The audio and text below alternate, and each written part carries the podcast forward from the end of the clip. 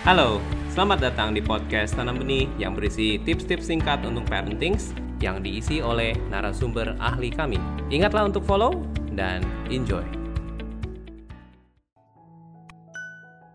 Nah, apa sih bedanya paradigma membatasi dengan paradigma memberdayakan dalam hal menetapkan aturan gadget ya bagi anak? Nah, pertama pertama adalah kesan. Kesan yang tertanam di dalam kepala anak. Ya. Kalau paradigma membatasi, maka kesan yang timbul di kepala anak adalah bahwa teknologi itu buruk buat kamu, merusak kamu. Itu sebabnya kamu perlu dibatasi pakainya.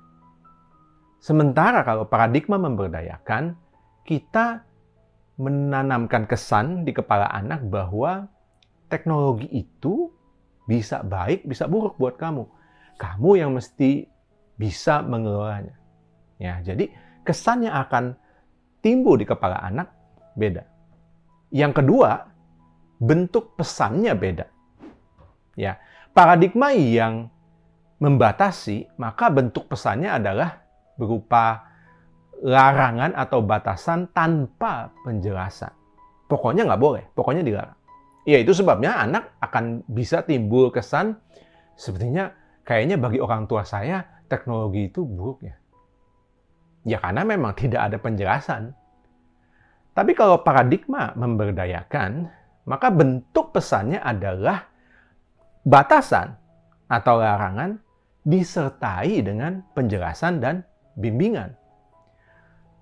Sebagai contoh, saya katakan kepada anak saya yang remaja saat dia sudah punya gadget. Ya, saya membatasi penggunaan gadgetnya. Jadi jamnya dibatasi. Nah, kemudian saya juga menaruh aplikasi di HP-nya untuk ya untuk memantau jamnya, jam penggunaannya. Tapi waktu saya menerapkan batasan itu, saya juga memberikan penjelasan kepada dia. Saya katakan bahwa semua hal yang baik kalau berlebihan pasti akan buruk. Itu sebabnya kamu perlu membatasi penggunaan kamu sendiri.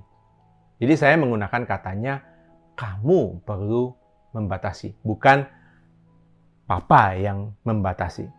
Ya, untuk menyampaikan pesan kepada dia bahwa ya sudah saatnya kamu sendiri belajar bertanggung jawab atas diri kamu sendiri. Nah, kedua soal penggunaan gadget yang saya masukkan aplikasi di dalamnya, ya untuk memantau, ya saya katakan juga saya ngomong bahwa saya menaruh aplikasi ya di dalam HP kamu untuk memantau berapa jam kamu menggunakan gadget. Saya jelaskan bahwa aplikasi itu akan memberikan informasi yang benar, yang akurat soal berapa lama kamu menggunakan gadget. Tujuannya supaya jelas, jadi kita nggak ada tebak-tebakan.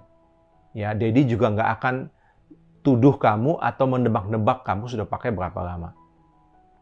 Selain itu, kalau kamu misalkan mentok limitnya berkali-kali, maka kita bisa bicarakan. Ya, itu saya katakan kepada anak saya. Kan mungkin saja anak punya rencana di dalam kepalanya gitu ya, yang mau dia lakukan berkaitan dengan gadgetnya dia, yang mungkin saja baik, mungkin saja produktif. Ya, kita perlu me memberikan ruang untuk dia bisa membicarakannya. Ya. Kalau memang dia butuh gitu. Nah, ini yang disebut dengan paradigma memberdayakan.